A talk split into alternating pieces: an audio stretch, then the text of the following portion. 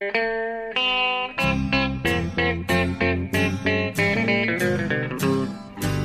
out there, we're on the air. It's hockey night tonight. Tension grows, the whistle blows, and the puck goes down the ice. The goalie jumps and the players bump, and the fans all go insane. Someone roars, Bobby scores at the good old hockey game. Oh, the good old hockey game is the best game you can name. Hallå, hallå, hallå, hallå, hallå, hallå, hallå, hallå. Yes, hallå, hallå, hallå och välkommen till NHL-podcasten med Jonathan, Onskan, Mowgli, Bamse, eh, eh, vad har vi mer? Bambi, Bambi. Ekeliv Ja, eh, från eh, Örby, Stockholm och eh, mig då Per Bjurman i New York. Per Lion Bjurman. Ja just det, Lion om ni, det, om ni så vill. Eh, finns några till smeknamn men de hoppar vi över just nu. Eh, och här ska vi spela in nu avsnitt nummer 188 hävdar du som håller reda på eh, kronologin. Ja. Jaha, och allt är bra med dig? Jo tack, det, det har varit en eh, ganska bra vecka. Jag har fått, eh, varit uppe de flesta nätterna och kikat. Eh, Ja. Länge. Långt, nu när det är ju sommartid också. Det är ju sommartid, fantastiskt. Eh, Ja, så alltså vi börjar- har sommartid här i Ja. USA. Exakt. Så, Så, får ni en timme till godo och matcherna som börjar 19 eh, börjar istället på midnatt då istället för 01 för er del. Exakt, Pre- precis det är du- rätt påpekande. För att nu vill man ju helt plötsligt att det inte ska bli sommartid i Sverige. Nej, det, är ju bara, eh, det här är väldigt praktiskt att vi får en timme gratis här vid eh, nattugglor. Ja, men det är bara i två veckor som det är så här. Sen, sen sista söndagen i mars går ju ni också över. Ja, exakt. Vilket ju har sina fördelar också. Men eh, just NHL-mässigt så är det ju lite tungt att eh, behöva eh, tappa en timme igen. Men eh, man jublar lite de här veckorna. Så här i mars också när det, när det, när det verkligen börjar stå på saker på spel. Eh, Ja, ja, Ja. jag jublar ju också för det får, jag får en extra timme på nätterna när jag ska skriva referat och lämna till morgonredaktören. Eh, och den, är, den är värd mycket. Ja, precis. För det annars börjar Emilia eller Hampus eller någon, vem som nu jobbar på morgonen eh, gnälla lite grann här. Nu vill de ha texter liksom när de är hungriga, kommer in på morgonen där och eh, hör av Ja, sig de till, till, till Bjurre. De kommer 05.30 svensk tid och då är den alltså 23.30 här. Då ska det finnas texter. Ja, precis. Har ni inte levererat då, då, då, blir de lite, då börjar de gnälla lite. Blir gram, då blir de gramse. Ja, precis. Så det, det, Lion, Lion får skäll. Men nu, nu, nu är det helt lugnt. Ja, nu har du en timme till. Bra! Bra! Eh, och förra veckan då eh, var du ju i Nashville. Ja, när vi spelade in det senaste avsnittet så satt jag på ett eh, ljuvligt hotell i, i Music City och eh, eh, ja, nu är jag hemma igen och eh, jag blev kvar där en hel vecka. Det var lite längre än det var tänkt. Eh, och, men det är svårt att, svårt att lämna Nashville. Det är en sån fantastisk happening till stad. Eh, Det är nästan så du skulle kunna flytta dit känns det som. Ja, det, det börjar kännas så. Det blir skulle- allt oftare du besöker. Eller för sig, det var ju, var ju ett tag sedan senast men ändå. Du, du hyllar ju den ställen så enormt. Ja, ja, ja, det är ju väldigt, eh, det är både roligt och berikande och, och det är så själfullt och allt som jag är intresserad av finns ju där. Eh, Ja. Men eh, ja, jag var, nu är jag, har jag åkt tillbaka till New York och, och det är inte så dumt här heller. Så vi ska, Nej, inte, det är inte det. Nej. Inte, vi ska, inte, vi ska inte klaga Nej. i onödan. Men eh, där, eh, vad man kan klaga lite på då är ju möjligen att eh, vi fick inte se riktigt så bra matcher som vi hade hoppats på. Dallas och Anaheim hade man ju enormt höga förväntningar på när de kom till Bridgestone Arena. Eh, det har varit eh, sådär faktiskt. New Jersey var bättre till helgen. Eh, det var ju faktiskt riktigt spännande. New Jersey gjorde det väldigt bra. Men det var ändå ingenting mot eh, det som utspelades i samma arena igår tisdag. När, eh, när eh, Winnipeg då kom till stan och gick upp eh, mot Predators i en match som hade på förhand framställts som kanske hela vinterns största eh, happening. Ja, grundseriens liksom hittills crescendo nästan. Ja, ja, det var ettan mot tvåan i, i Central och båda har varit mycket, mycket heta på slutet. Eh, och den, den eh, inledningen på den matchen, den var ju inte så jämn då precis, men, Nej. men eh, Nashvilles urladdning i, de, i första perioden var ju något av det mest häpnadsväckande eh, jag har sett i alla fall. Satan så de körde. Ja, det var ju lite av ett statement får man säga från Nashville efter, efter allt uppsnack så här. Och nu när de faktiskt inte vilar någon spelare direkt utan de, de, de slängde in Turris igen och det var Josie och det var järnkrok och sådär. De har ju faktiskt vilat lite spelare på slutet. Ja, de ställde över Hartnell. Det, och eh, det är helt enkelt trångt om platserna där. Ja, precis. De har nästan eh, lite, de har ju för många spelare helt enkelt. Så som vi var inne på förra veckan, ska, de ska försöka få in en Eli Tolvanen och grejer där också. Eh, ja, men, men, nu, nu det är konkurrens om platserna. Ja, ja men alltså ja.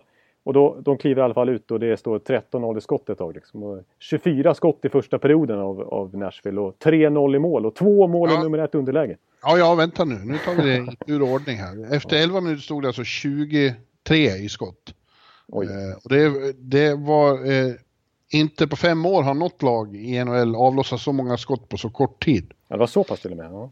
ja, det var ju faktiskt som, det påminde om eh, det som Bryskalov sa i Vancouver, att, eh, om Kanada. De, de påminde om galna gorillor som precis hade släppts ut ur en bur.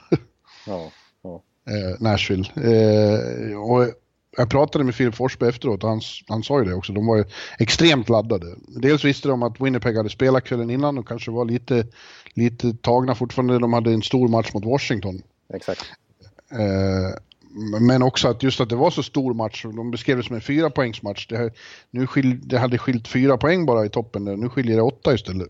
Det var nästan lite stött, liksom avgörande stöten eller på att säga, i, i den divisionen. Liksom. Ja, det hade kunnat stått otroligt mycket mer faktiskt, eh, än bara 3-0. Men det var ju som du, som du nämnde där i förbegående så var det lite konstigt. De gjorde alltså eh, två mål i samma numerära underläge inom loppet av 34 sekunder. Det ser man ju nästan aldrig. Nej, precis. Och liksom när, när Winnipeg skulle svara med att Patrik Laine skulle stå i sitt kontor och kvittera så blir det istället 0-3 mm. liksom på några sekunder som du säger. Så det, ja. bara, det var också lite, lite markering från Nashville liksom att det är, det är vi som är the team to beat. Du skickade ju massa provocerande till sms till mig som jag knappt svarade på när, om att Nashville är bästa laget i ligan och Tampa, ja, då, ja. Eh, men eh, vad ska man säga? Det är ju ett, eh, det är ett Det var ett statement. Ja. Det var ett statement och ja, jag tycker att det, det visade att just nu så är, är Nashville verkligen bäst, bäst i, i, i, ligan och det, det ser man ju nästan på pappret nu också när Poyle har fått ihop det så här fantastiskt bra. Ja. Eh, med det djup de har eh, och de spetsar de har och, och liksom hela kompositionen. Eh, det betyder inte att de vinner, så det, det eh, vet man ju sedan länge att eh, det, är, det måste fortfarande funka i, i rätt ögonblick. Exakt, och det kan dyka upp någon skada helt plötsligt här och där som ställer till det. Liksom. Alltså... Ja, de, och de har en helt annan press på sig eh, än, eh, än vad de hade i fjol till exempel. Då kom de in som åttonde lag. Nu kanske de vinner President's Trophy och det har ju varit en förbannelse för många genom åren. Precis, och, förra året var det ju Chicago som hade all press på sig mot Nashville i första serien. De hade ju vunnit Western Conference och åker ut med 0-4 matcher så att man vet ju vad press kan göra på ett lag.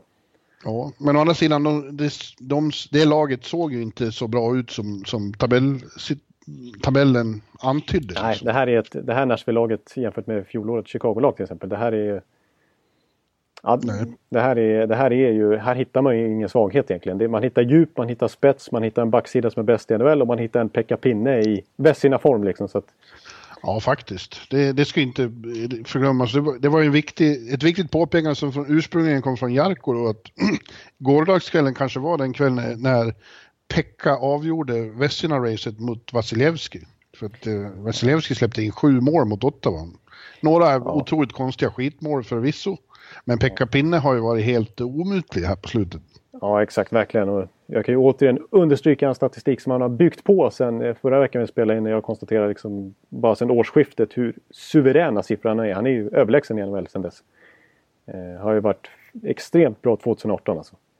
Ja. Eh, och jag, ja, jag skulle nog säga att, eh, att han, är, han är definitivt förbi Vasilevski nu i alla fall. Nu, nu känns det som att han, är, att han kommer få det här priset om, om han bara rider ut sista, sista veckorna. Ja. Och eh, de, de, han sa, såg jag till NHL.com och eh, Filip sa till mig att de är väldigt måna om att vinna President's Trophy, de vill det. Ja, ja. Eh, Filip sa, ja, om man ser till fjolåret, om vi hade haft hemmaplansfördel hela slutspelet igenom, då vet man inte vad som hade hänt. Så det vill vi gärna ha nu. Ja. Alltså, För de är ju ja. extremt starka hemma också då, ska man ju komma ihåg med sin jävla eh, fantastiska publik. Det är enorma energi som är i, i ladan på Broadway. Ja, precis. Alltså, om, man har, om man är väldigt cynisk så har man en minnesbild av att Pittsburgh firade sin Stanley Cup-seger i Bridgestone. Men generellt sett om man blickar tillbaka på det här slutspelet så var det bara en enda stor gult segertåg där i Nashville. Ja. Så det var ju hopplöst att komma dit. Ja. Eh, så, eh, generellt sett tycker jag det har varit det de senaste åren. Alltså, de har varit extremt hemmastarka där, eh, Nashville. Så det är klart att och kan de garantera sig hemmaplansfördel hela vägen till Stanley Cup, då är det klart att det är en fördel för dem. Ja, det ska de såklart gå för. Men eh, vi vet ju att det ibland har det sett ut som det är en förbannelse med, med President's Trophy. Ja, jag kommer, kommer knappt ihåg senast ett lag vann Stanley Cup som vann. Jo, men det, det kollade jag faktiskt igår. 20, Chicago 2015 faktiskt. Ja. Eh, men dessförinnan var det Detroit 2008. Ja, det var så sent som 2015 eh, alltså, när, när Chicago vann. Ja, det är, Men det är många som åker i kvarten. Och, det är ju... Eh, Washington. Washington, ja. ja. Ja, just det. Tampa har väl inte vunnit serien, eller Stanley Cup heller vad jag vet sedan 2004. Ja. ja. Vi går vidare. Men du, eh, måste ändå nämna Winnipeg också då. Som, eh, mm. ja, det var back-to-back -back för dem. Och framförallt måste vi igen nämna Patrik, Patrik Laine. Han är ständigt aktuell nu. Ja, han har gjort eh, poäng i 13 matcher i rad och han har ju vräkt in mål på slutet. Det bara fortsätter ju. Han är helt sensationell. Ja. Och ja. det går ju då att koppla till han, hans, hans stora idol är ju faktiskt eh, Alex Ovechkin då. Ja. Eh, sägs det. Och eh, i, i måndags möttes ju de. Det var eh, Washington, Winnipeg, de enda två eh, spelarna som har sprängt 40-vallen och stod på 40 var då. Eh, Line och Ovechkin. Eh, och man tänkte det skulle bli deras stora eh, showdown. Men eh, Ovi star ju den showen då genom att göra två och därmed sprängde han 600 vallen eh, all together då. Ja. Och blev, blev den blott fjärde i historien efter Gretzky, Lemieux och Brett Hull att eh, nå 600 innan tusende matchen. Ja, det är... Hans 990. Och han blev den 20 eh, allt som allt som har gjort minst 600.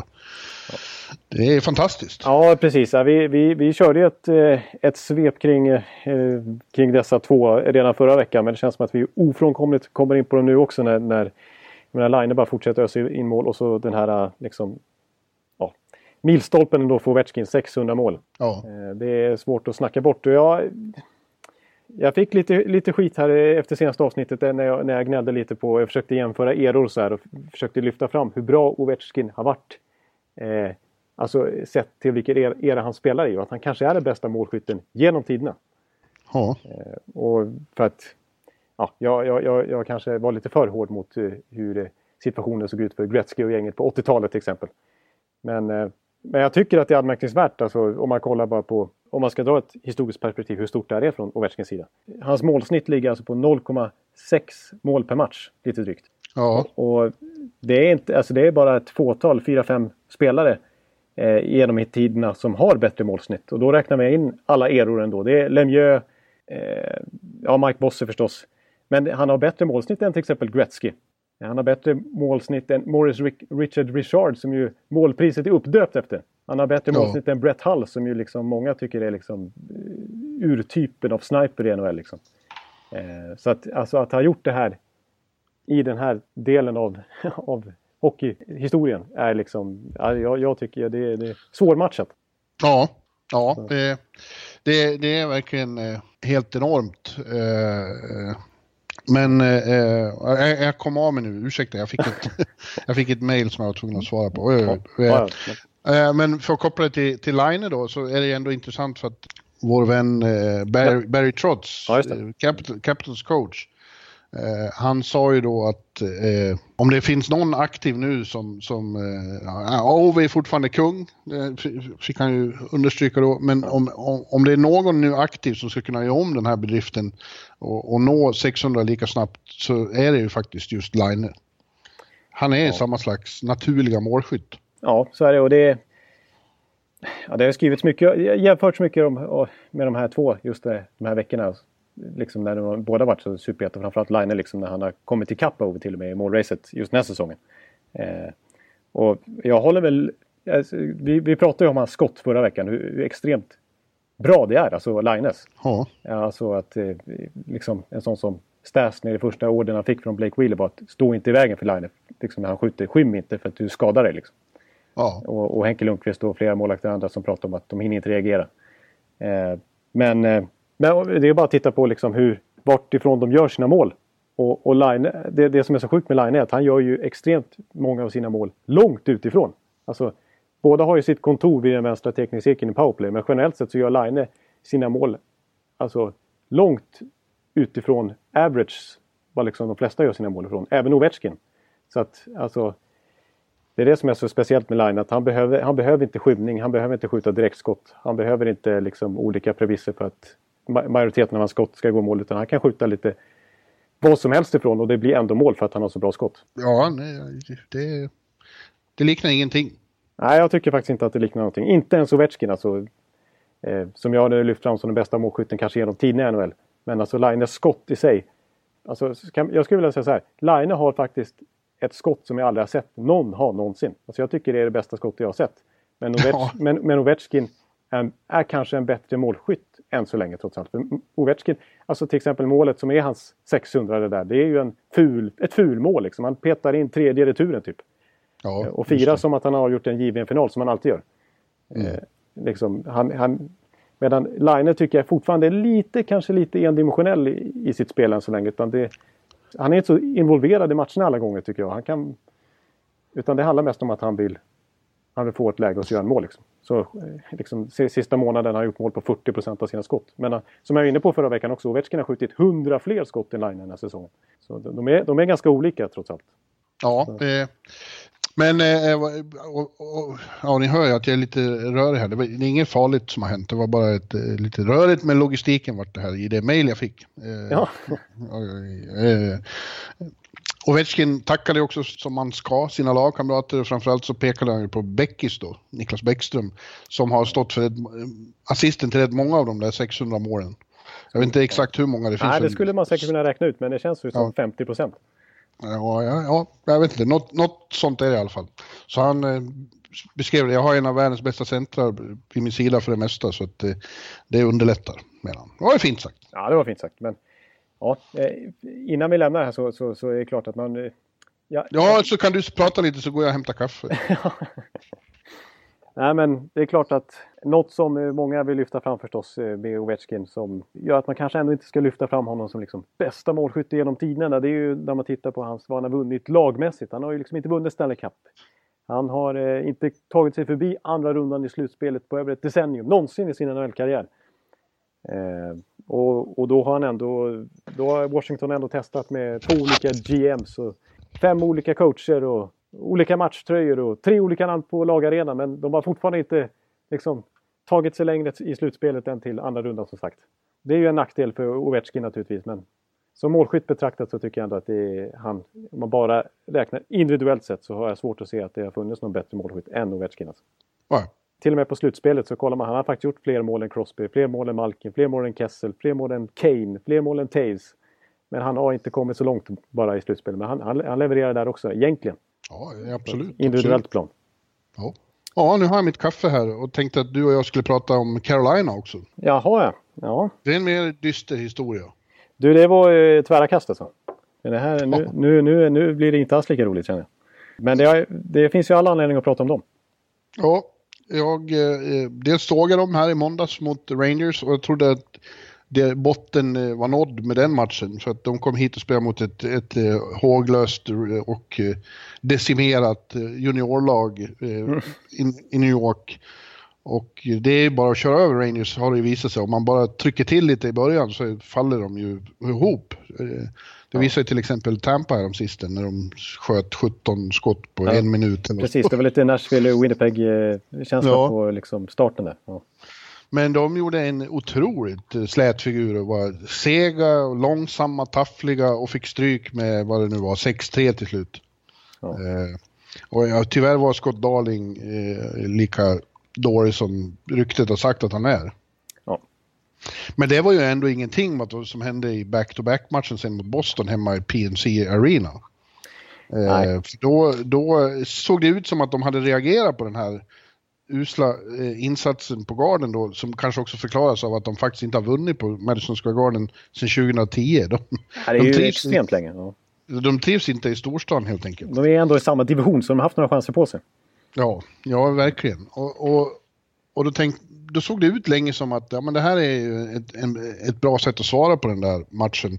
För eh, med tio minuter kvar i, i tredje perioden så hade de ledningen med 4-1. Mm. Men lyckas kollapsa så totalt så de i alla fall får stryk med 6-4.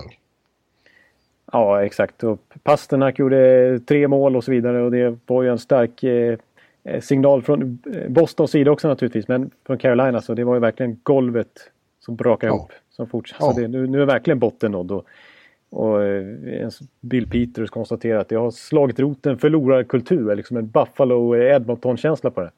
Ja, visst är det så. Ja, det är så väldigt besvikelse för man har tyckt att det... Trodde att nu ska de bryta den här slutspelstorkan med, med sina unga begåvningar eh, och, och, lite bättre mix. Man har fått in Justin Williams och sådana men nej, det har ju bara gått åt skogen här på slutet. Ja, för, det, för de har alltså... De kan inte... När det väl gäller, när det väl gäller så liksom sviker de, viker ner sig.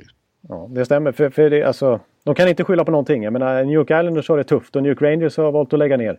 Ja. Columbus har visserligen kommit igång nu men har haft det svajigt och New Jersey har ett tufft schema. Så att Carolina som hade sin superfebruari månad på förhand kändes det som när de skulle spela typ 10 hemmamatcher.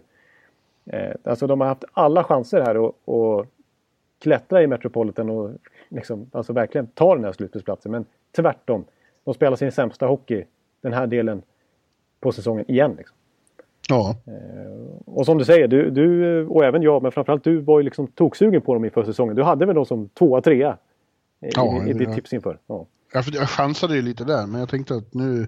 Det var sån positiv vibb kring dem. Ja, liksom, och tittar man på laget så, så är det ju jättemycket spännande pusselbitar liksom, som borde kunna sitta ihop ja. eh, till ett fungerande bygge. Men eh, nej. Och det är klart att en stor del så, så, som de aldrig lyckas lösa det är ju att det är målvaktssidan naturligtvis. Att, att ja. Eh, Scott Darling har blivit ett sånt veritabelt fiasko. Ja det, ja, det är svårt att säga något Än så länge. Ja.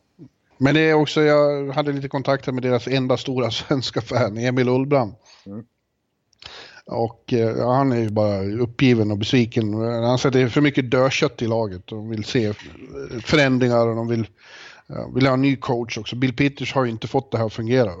Eh, och det är något konstigt med liksom att de skickar ner en sån som Kryger i, i, till Charlotte. Det, det, det tyder inte bara på att, att han har haft det svårt. Det är något med coachen som, som inte kan få en sån kvalitetsspelare och, och åstadkomma bättre. Ja, jag, alltså jag har ju alltid varit eh, förtjust i Bill Peters och, och sådär och tyckt att han är liksom... Jag menar, jag har ja. ju lyft fram honom. Han är en Mike Babcock-epigon. Ja, och samtidigt så får jag lite så här Claude Julien-vibbar i slutet av hans Boston-tid. Och även som det har sett ut i Montreal för han nu. Eh, att liksom, alltså tittar man på underliggande siffror så ser det ganska bra ut. Jag menar, de, de skapar mycket, de har mycket puck. Jag menar, de har väldigt mycket skott. De för ofta matcherna. Men de har uselt målvaktsspel och de har brutalt dålig utdelning. De ligger alltid liksom botten fem i NHL när det kommer till att sätta chanserna. Liksom. Mm. Eh, och när liksom, om det är så en säsong, då kan man ju tycka att Ja visst, men när det är så år efter år efter år då känns det som att Visst man kan skylla på spelarna men de har ett bra lag. Då känns det som att det är någonting med Bill Peters coachning som gör att de är inte, de, de är inte tillräckligt giftiga. Liksom. Nej. Eh, och, eh, ja och, de, och det här med att de liksom inte eh, är som bäst när det verkligen behövs som mest utan de är bra i november och delar av februari. Eh, ja. Det är också hans fel att han inte ser till att de är eh, mobiliserar som mest när det behövs som mest. Precis, och att de kommer ut så slätstruket som i den där Rangers-matchen till exempel. Det, det, ja. ska, det, det, ska, det, ska, inte en coach kunna tillåta. Liksom. Nej. Eh, så att... Men nu låter det som det är förändringar, vind blåser ju där igen. Deras nya ägare som redan när han tog över här för, i januari beskrevs som synnerligen otålig, som inte bara kommer att sitta och titta på. Han eh, har ju plötsligt eh, petat eh, Ron Francis, klubbikonen, som general manager och skicka upp honom i, snett åt sidan som eh, president of hockey operations. Och där kommer han ju tydligen inte att få någon särskilt aktiv roll därför att den nya general manager de letar efter nu, han ska rapportera direkt till ägaren. Ja, det här är ju, det är ju verkligen en, en speciell move. Vi vet ju att gör man en sån, eh, den grejen att han blir hockey, President of Hockey Operations. Det är precis som Dale Tallon i Florida för något år sedan. Att man, liksom, ja. man befordras, eller man, man petas uppåt om man kan säga så. Liksom man, han, han, får ju inte mycket att säga till om alls om det egentligen. Och det är ju anmärkningsvärt liksom. Tom Dundon som han heter, den här nya ägaren. Som ju inte har noll, noll NHL-erfarenhet sedan tidigare. Det är ju liksom en lustigkurre som tycker är lite eh, miljardär som tycker är lite skoj med NHL. Liksom. Ta över ett lag, nu ska vi köra liksom. Eh, som kliver in och petar en Hall of Famer. Liksom. Ronny Franchise som eh, Ron Francis kallas. I, han, har ju liksom, han leder ju... Han har varit, i, han har varit general manager i, i klubben i fyra år. Han har varit assisterande tränare. Han har varit lagkapten för Carolina Hurricanes. Han har varit lagkapten för Hartford Whalers. Så räknar, ja, ja, ja, räknar man ihop allt det där så har han mest poäng i hela organisationens historia. Så det är verkligen en, en superdiss av, av Tom Dundon efter två månader liksom, i klubben peta en Hall of Famer. Liksom. Eh, men det är som du säger, han, han, eh, han vill ju vara med och påverka det här. Liksom. Och den general manager de plockar in kommer ju liksom inte få fullständigt ansvar och, och, och, göra sitt jobb utan där vill Dundon vara med och peka och, och godkänna och så vidare. Eh, och jag undrar om det är så bra egentligen. Det är min spontana känsla. Det känns... Nej, alltså jag, jag har ju svårt för den där idén med att en ägare ska vara med och, och liksom peta i den dagliga verksamheten och ha synpunkter på laget och så. Det, det känns som det de gånger det har hänt inte har varit särskilt lyckat. Nej, alltså jag tänker till exempel på Terence Pegula i, i Buffalo. Där som, han, han har ju faktiskt kört dem i botten för nu känns det ju nästan hopplöst där trots att de har fått in Eichel och allt möjligt. Mm. Liksom, organisationer så fortsätter de ser likadant ut år efter år med nya general managers och nya tränare. Men det är liksom, för Pegula kom in där och sa liksom att ja nu, nu, nu är det inget problem med ekonomin här längre. Nu kommer jag in med massor med pengar och jag ska vara med och nu, jag kommer vara med och påverka det här. Så det här ska, nu ska vi, nu ska Buffalo vinna Stanley Cup. Och så börjar man att ta in Christian Erof och Ville Leino på enorma kontrakt. De får köpa ut dem efterhand och de har inte gått till slutspel sedan hans första säsong i klubben, typ 2010. Så att, eh, och Dandon känns lite, lite liknande. Sam, liksom, ingen riktig hockeybakgrund och som vill kliva in och styra direkt. Liksom, som en ja, jag kommer att tänka på jag kommer att tänka på Dolan i, eh, här i New York. Inte hur han sköter Rangers, men hur han sköter, sköter New York Knicks. Eh, och, de har ju varit ett, ett, ett laughing stock i decennier här i NBA. Eh, och han är ju, lägger sig ständigt i och det blir bara fel och knas. Ja, exakt. Och man ska nu vet vi väl inte, nu ska vi inte eh, döma ut Dundon som en Dolan eh, på en gång, men, men jag känner skepsis, så kan vi säga. Ja, och vi vet ju till exempel Melnick i Ottawa. Han vill, ju, han vill ju, där är ju Alltså han vill ju ha väldigt stor liksom, eh, insyn i vad eh, Dorian håller på med och vill påverka. Liksom. Och visst, de gick ju visserligen till konferensfinal förra året men nu är det ju total kaos i den klubben. Ja. Så att, ja. Fast de, sen, sen, sen trade deadline passerades så har de ju faktiskt gjort det bra, Ottawa. De åker omkring och spöar storlag som Panthers och Lightning. Totalt obegripligt så åker de liksom ner till Florida. De har ingenting att spela för egentligen. Och det är ju nästan bra att de förlorar så att de kan närma sig liksom bättre procent i Dahlin-racet. Men då, då spöar de både liksom Rangers och Tampa som har jättemycket att spela. Eller Rangers. Panthers och Tampa som har jättemycket att spela för. Ja, men eh, de vill avsluta snyggt. Alla spel, det finns inte en spelare som vill tanka någonstans. Nej. De vill avsluta, och ingen coach heller för den delen. Eh, det är fansen som vill tanka, inte eh, någon annan. Nej. Så de vill avsluta snyggt och sätta en bra ton inför nästa säsong och så, så att inte den här förlorarkulturen sätter sig. Nej, nej det, är väl, det är väl bra. Egentligen. Mm. Alltså det, det, det är så är det. Hej, jag Ryan Reynolds. At Mint Mobile, we like to do the opposite of what Big Wireless does. They charge you a lot, we charge you a little. So naturally, when they announced they'd be raising their prices due to inflation, we decided to deflate our prices due to not hating you.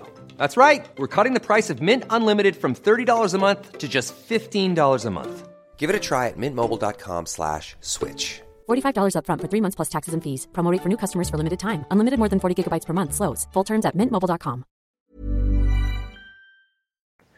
Eh, ja, ja, ja, du sa där med Emil Ullbrand förresten att, att, så här, att han ville se förändring, att du borde ha gjort någonting.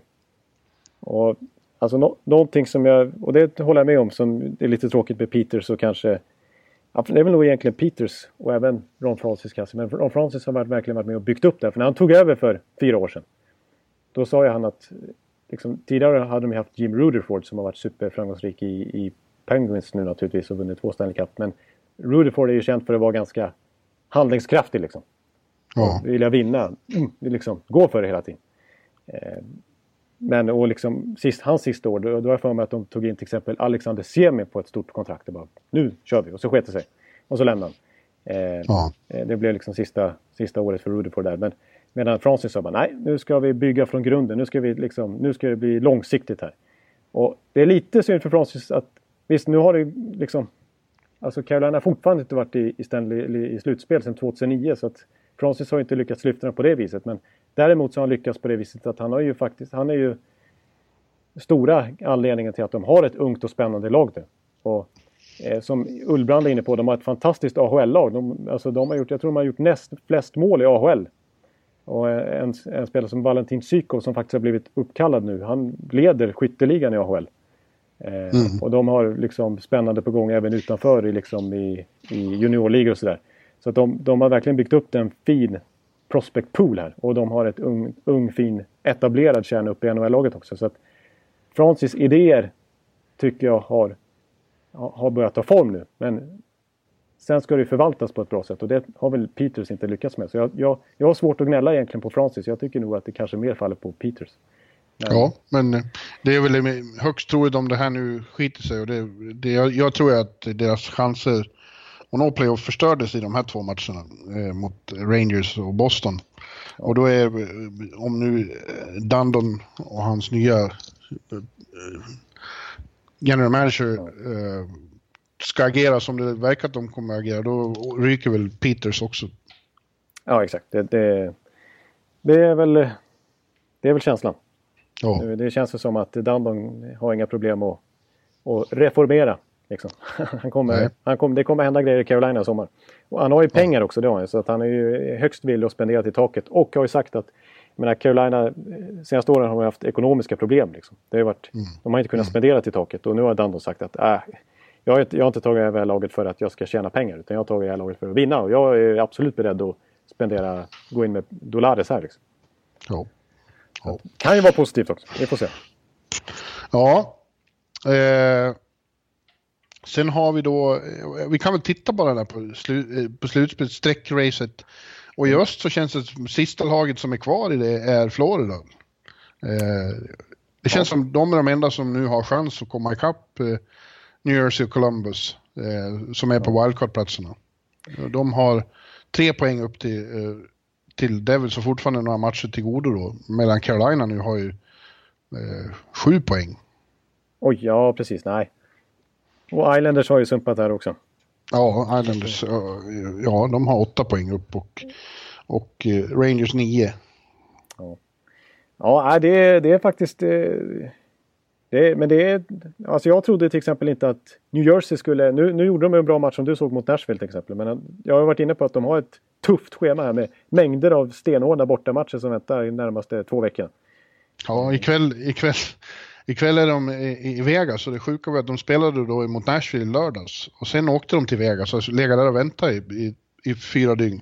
Det låter inte som någon jättebra idé. Ja, det, det, det, sett till hur det har gått för den typen av lag tidigare under säsongen så har det inte varit jätte, jätte Nej.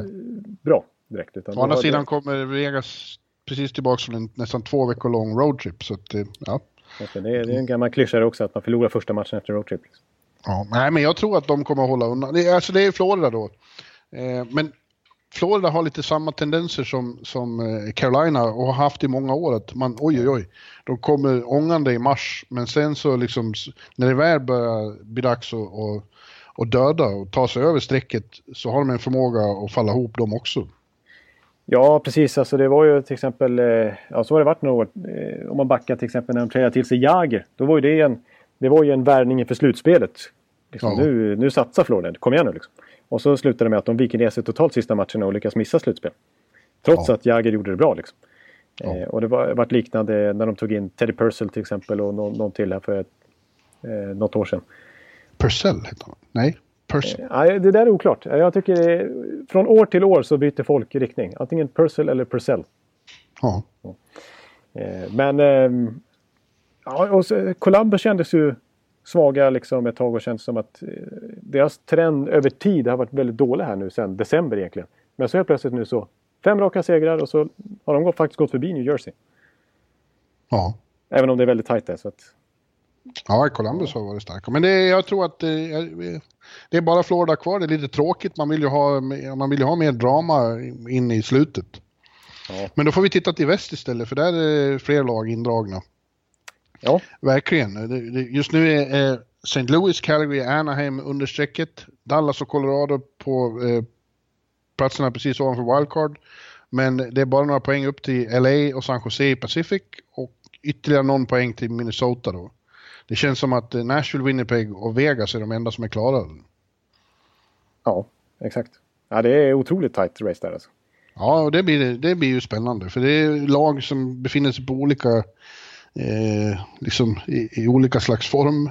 Eh, form, ja. Ja, så precis. Ja, precis. Alltså det, uh, det är, jag tycker det är skitsvårt att tippa vilka lag som kommer, kommer lösa det här. Nu har ju liksom Calgary fått tillbaka Mike Smith som har håll, håller nollan här visserligen mot Edmonton. Men Ja. Eh, Anaheim som vi har räknat med, ah, lite svajigt, inte så imponerad av dem liksom. Nej, det är, de som, det är de som sackar tycker jag mest. St. Louis var, hade ju också en brutal svacka där. Eh, Mike Joe gick ut och sågade sitt lag brutalt liksom. Ja.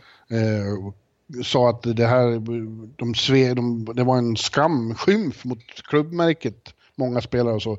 Men nu har de också kommit tillbaka på slutet, tagit två raka och sett jävligt starka ut och spela St. Louis hockey igen. Det vill ja. säga väldigt ja. hård och, och, jobbiga som fan att möta. Intensiva och tunga, ja. ja. Mot just Anaheim och LA Kings liksom, som också är med i det här racet på bortaplan.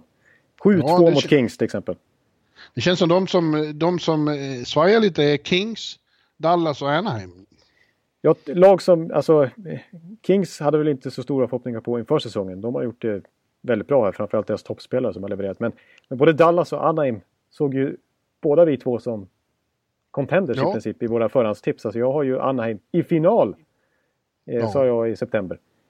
Ja, och jag sa inte jag Dallas ju? Eller vad ja, du sa nog kanske... Ja, eller... Ja, jag kommer inte ihåg. Men du hade ju... Du, Dallas är ju ett av dina Pittsburgh lag. Dallas tror jag att jag sa. Ja, precis. Ja. Att, nej, och Dallas tycker jag inte har sådär jättespännande trend här liksom sista... Här i mars. Nej. Liksom. Nej. Colorado tillbaks, de tappade också lite av sitt momentum. Eh, men har nu varit riktigt bra på slutet igen. Och det, det, det hänger mycket på McKinnon verkar det som. Som är otroligt bra. Ja. Alltså verkligen. Eh, vi pratade mycket Hart förra veckan och han är ju definitivt där. I, den kategorin. Alltså 5-1 mot Minnesota till exempel. Apropå statements och sådär. Det var stark ja. seger. En, match där, även om du uppfattade var eh, att eh, Landeskog eh, skrek lite till Nate Prosser i Minnesota. Där. Nej. Han skrek... Eh, ja, jag vet inte om jag... Ja, jag säger det. Go back to waivers you fucking plug. Oj, oj, oj. Ja, stenhårt. Ja, hårda bud. Det var stenhårt alltså. Såg, såg han och skrek när de hade fightats lite. Eh, Colorado, ska de gå, gå till slutspel helt plötsligt? Ja, jag tror det. det. Nu är det väldigt svårt att säga redan nu, för de här, vad, vad de är för slag just nu, det kan ju förändras snabbt. Liksom. Och jag, jag tycker fortfarande att Anaheim har ett lag som måste fixa det här. Men jag hör, jag hör mycket surr i bakgrunden om att det är stort missnöje med Carlisle nu. Han är så old school och de får, de får aldrig ledigt och sånt. Liksom. Han, bara, han bara kör ner, han nöter ner dem. Liksom. Ja. Men det känns, alltså med det laget på pappret de har så ska det inte vara några problem. Men de känns inte inspirerade liksom. Det är lite problem. De, de, känns inte... De är väl motiverade men de känns... Det, det är ingen gnista kring Dax. Liksom. Nej. Eh, Nej, de, konstigt med så. Jävla bra lag. Ja. Nej, så att det, ja, det kan nog vara Carlisle som, som vi i grunden kanske inte är så jätteförtjusta i. nej, han, han eh, lyckades ju i fjol, men eh, nej, det ser inte något bra ut. Nej, precis. Nu börjar de bli trötta på honom. För det är ju en krävande snubbe. Eh, och, och jag, jag, ja, alltså apropå St. Louis där som, som vi ju nämnde att de har liksom kommit igång igen. Men jag tycker att det är lite så här. Alltså Mike Joe. Han är... Jag, jag, jag, undrar om han är lite åt det hållet också. Alltså, alltså, för att jag tycker det verkligen går i cykler för St. Louis. Och så var det även när han var i Minnesota. Alltså, det känns som att han, han kräver och det är väl bra, liksom, han kräver extremt mycket av sina spelare. Att de, de ska vara så tunga och intensiva hela tiden. Och han, har liksom, han är noga med defensiven och strukturer och sådär. Alltså det känns som att man orkar inte mentalt under en hel säsong spela under Mike Joe. Så ibland är man skitbra. Liksom. St. Louis ledde ju liksom före både Preds och Jets i, Central Divisionen så sent som i början av, års, av det här året. Mm. Och sen sjönk de ihop med en sån här jätte Mike Joe-svacka som han hade även i Minnesota. Det känns som att... Ja, han är också lite åt det hållet. Han är, han är också lite jobbig att spela under. Alltså. Ja. Det är ja. i alla fall min eh, slutsats. Ja. Ja. Ja, hörru du Ekeliv, jag håller på att skriva mig beredd att åka på garden igen och se när pingvinerna kommer hit och, och ska plaska till eh, Rangers. Så ja, vi, måste, uh, vi måste wrappa upp det här nu. Ja, exakt. Vi kan inte... Ja, men... Du vill tjata om det goaltender interference och jag tycker att det är... Eh, det var, vad finns det att säga om det annat än att det är ett stort fiasko för NHL att de inte kan implementera regler som går att följa och som folk vet vad som gäller och att de är logiska och förståeliga. Det är, ja, det är som att kasta pil på en tavla, ingen vet vad som gäller. exakt, det är väl, det är väl, det är väl inte så mycket mer så. Jag tror förresten är ganska trött på den här diskussionen för det går liksom ja, inte att komma det, det, det, det, går ju inte att göra någonting åt det riktigt. För det är en sån, alltså det, det känns lite som mina slopestyle-nätter i OS när jag satt här ensam på reaktionen och jobbade. Liksom, ett, ett, liksom, som en bedömningssport. Liksom. Där trodde man var jättebra och så jaha, nej det gav inga poäng. Liksom. Medan, samma sak med goaltender interference här. Där, det här målet som blev så uppmärksammat som Brian Dumoulin gjorde mot Toronto. Eh, som såg ut att vara ett solklart mål och sen så döms det bort och så twittrar Jamie Benn “Two minutes for scoring”. Ja. Ingen förstår liksom hur det kan dömas bort. Och det finns eh, motsvarande situationer där, där det blir mål när till exempel James Neal står och yxhugger på Connor Hellebuck i en match. Men det blir mål. Eh, det är inte goaltender interference. Så det, det, det, är ingen som vet vad som, vad som gäller. Eh, ja, det, det, det är åtminstone GM, eh, GM-möte här som vanligt i Boca Raton. Eh, ja, det är snart det. Boca Raton. Ja, men jag sa fel nu igen, i år igen alltså. Det här är nu fjärde året i rad jag säger fel. För det är ju alltid i, i Boca Raton. Ja. ja. Och jag säger Boca Raton. Ja, igen alltså. Ja. Eh, ja. Du får åka till Boca Raton och leta du, men de är i Boca Raton. Usch. Ja, ja. Men där kommer, där kommer de i alla fall att prata om de här, försöka hitta på någon slags lösning för slutspelet. Men jag vet inte hur man ska lösa det här. Alltså, jag, jag, tror det bästa förslaget jag har hört, jag vet att du har varit inne på det. Det är det här med att... Eh, alltså, och det är, inget, det är liksom inget som löser någonting heller. Men det är i alla fall att... Alltså ha en slags tidsgräns i alla fall. Ja, hur länge man får bedöma. Ja. Man får ja. bedöma. För att står de och, och tittar och tittar och tittar och tittar och man liksom inte vet vad som är rätt eller fel. Alltså, kör bara två minuter. Är det inte solklart åt det ena eller andra hållet, då får det stå fast. Slut, det, den bedömningen som man hade på isen. Och så liksom, ja. får, det vara, får det vara nöjt. Så det får gå en, vissla, en signal liksom, som säger att nu är tiden ute. Eh, mm. Har ni inte ändrat er tills dess, ja, då, då blir det som det blir. Ja. ja. Men du, eh, Ekeliv igen, jag försöker skynda på dig nu. Jag ja. måste avsluta. Ja. Nej, men då... Eh, ja. Du ville säga något om Andreas Johansson. Han eh, kommer upp och får äntligen debutera med. Toronto ikväll. Ja, jag tycker det är stort. Andreas Jonsson. Som Jonsson, ju, jag såg ju, som ju, alltså, nu ska jag dra en liten en, en, en koppling som... Oj, det här sätter press på stackars Andreas Jonsson. Alltså. Men eh, från och med nu kommer det vara lite min gubbe. Så jag kommer, jag kommer försöka hypa upp han till en NHL-stjärna här nu. Eh, alltså, 2013. Vem blir årets rookie i SHL då? Jo, det blir William Karlsson. 2014. Andreas Jonsson. Jag hävdar att eh, Andreas Jonsson kan vara nästa stora genombrottsman i NHL. Ja. Eh, alltså, han har varit årets svensk i AHL, sa du? Ja, men precis. Han har ju varit fantastiskt bra i Marlies den här säsongen. Han har, det är vissa som liksom snackar om att han kanske är lite MVP. Lite, och vi har snackat så mycket Hart Trophy i NHL så kanske är Andreas Jonsson en av den som nämns i, i AHL. Han har gjort näst flest mål. Det är bara nämnde Sykov där i, i Carolina som har gjort fler. Eh, Carolina Prospect. Men, eh, han har gjort 26 mål. Han har gjort eh, en poäng per match. Eh, han spelar mot eh, motståndarens bästa spelare. Han är lite så här, alltså han, han har den rollen också. Liksom. Det är inte bara en renodlad offensiv och powerplay-specialist, vilket han visserligen är också, men han kan han spelar boxplay. Eh, och sådär. Så att eh, han är liksom komplett i AHL och verkligen formats där efter att ha fått en mardrömsstart. Alltså, jag, jag vet inte om du minns den? Eh, några av er som lyssnar kanske minns det att han, alltså när han lämnade Frölunda, jag tror det var 2016, och spela, eh, skulle spela slutspel med Marlies, kom över det på våren. Då blir han dundersänkt det första, liksom i sin andra match. Så att han, han får ju tokhjärnskakning.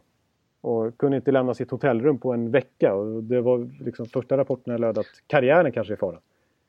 Så att eh, sen dess har det varit en liksom, liten uppförsbacke för honom att, att komma tillbaks till den liksom stora spelare som man såg i SHL. Han spelade till, eh, alltså när han spelade Frölunda så ett tag så spelade, när han vann Årets 2014, då spelade han i samma lag som Alexander Wennberg till exempel. De är lika gamla. Och då var det, Carl, då var det faktiskt Jonsson som utmärkte sig mer. Eh, mm. eh, men nu har, nu har han liksom verkligen etablerat sig borta i Nordamerika, vant sig vid, vid spelstilen där. Och nu får han ja, vi får, vi får se ikväll då, för han ska spela mot Dallas ikväll. Ja, för nu, nu tror, jag, tror jag att det kan vara ett bra läge för, för jag menar, Toronto ligger i ingenmansland. De kan inte åka ner, de kan inte hota Boston eller Tampa i grundserien nu heller. Så att de, de liksom har råd att ge han chansen. Ja. Eh, och, och, och, på sikt så tror jag faktiskt att till exempel i sommar då, går, då börjar ju Torontos lönetaksproblematik göra sig på med lite grann. William Nylander ska ha nytt kontrakt. James Van Riemstacks kontrakt går ut och han kommer de inte förlänga med tror jag. Så jag tror att Andreas Jonsson kommer att bli nye James Van Riemstack från nästa säsong åtminstone. Eh, så att, ja, där har jag sagt det. Nu har jag liksom tok honom och jag kommer hålla koll på Andreas Jonsson. Ja, ja härligt. Ja. Eh, hoppas inte en jinx. Nej, det, det, det, är ju risk för det. Ja. Men, eh, du, ja. Ekeliv, nu får du säga vad du vill. Nu tänker jag sätta punkt. Ja, nu, nu ska du faktiskt springa till, eh, till, till garden. Ja, jag måste göra ett par saker före här också. Eh, så så får det bli. Så får det bli. Eh, och så, så hörs vi eh, nästa vecka.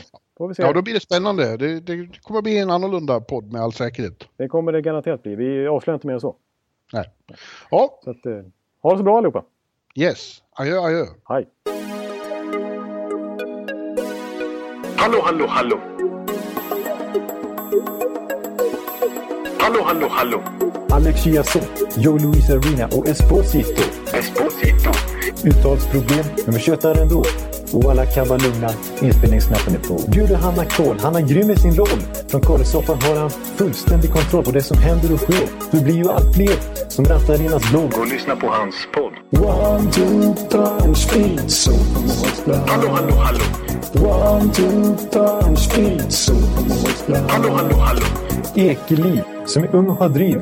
Verkar stor och stark och känns allmänt massiv. Han hejar på Tampa och älskar Hedman. Sjunger som Sinatra. Ja, och det ser man. Nu är det dags för refräng. Dags för magi, Victor Norén. Du är ett geni. Så stand up at home and remove your hats.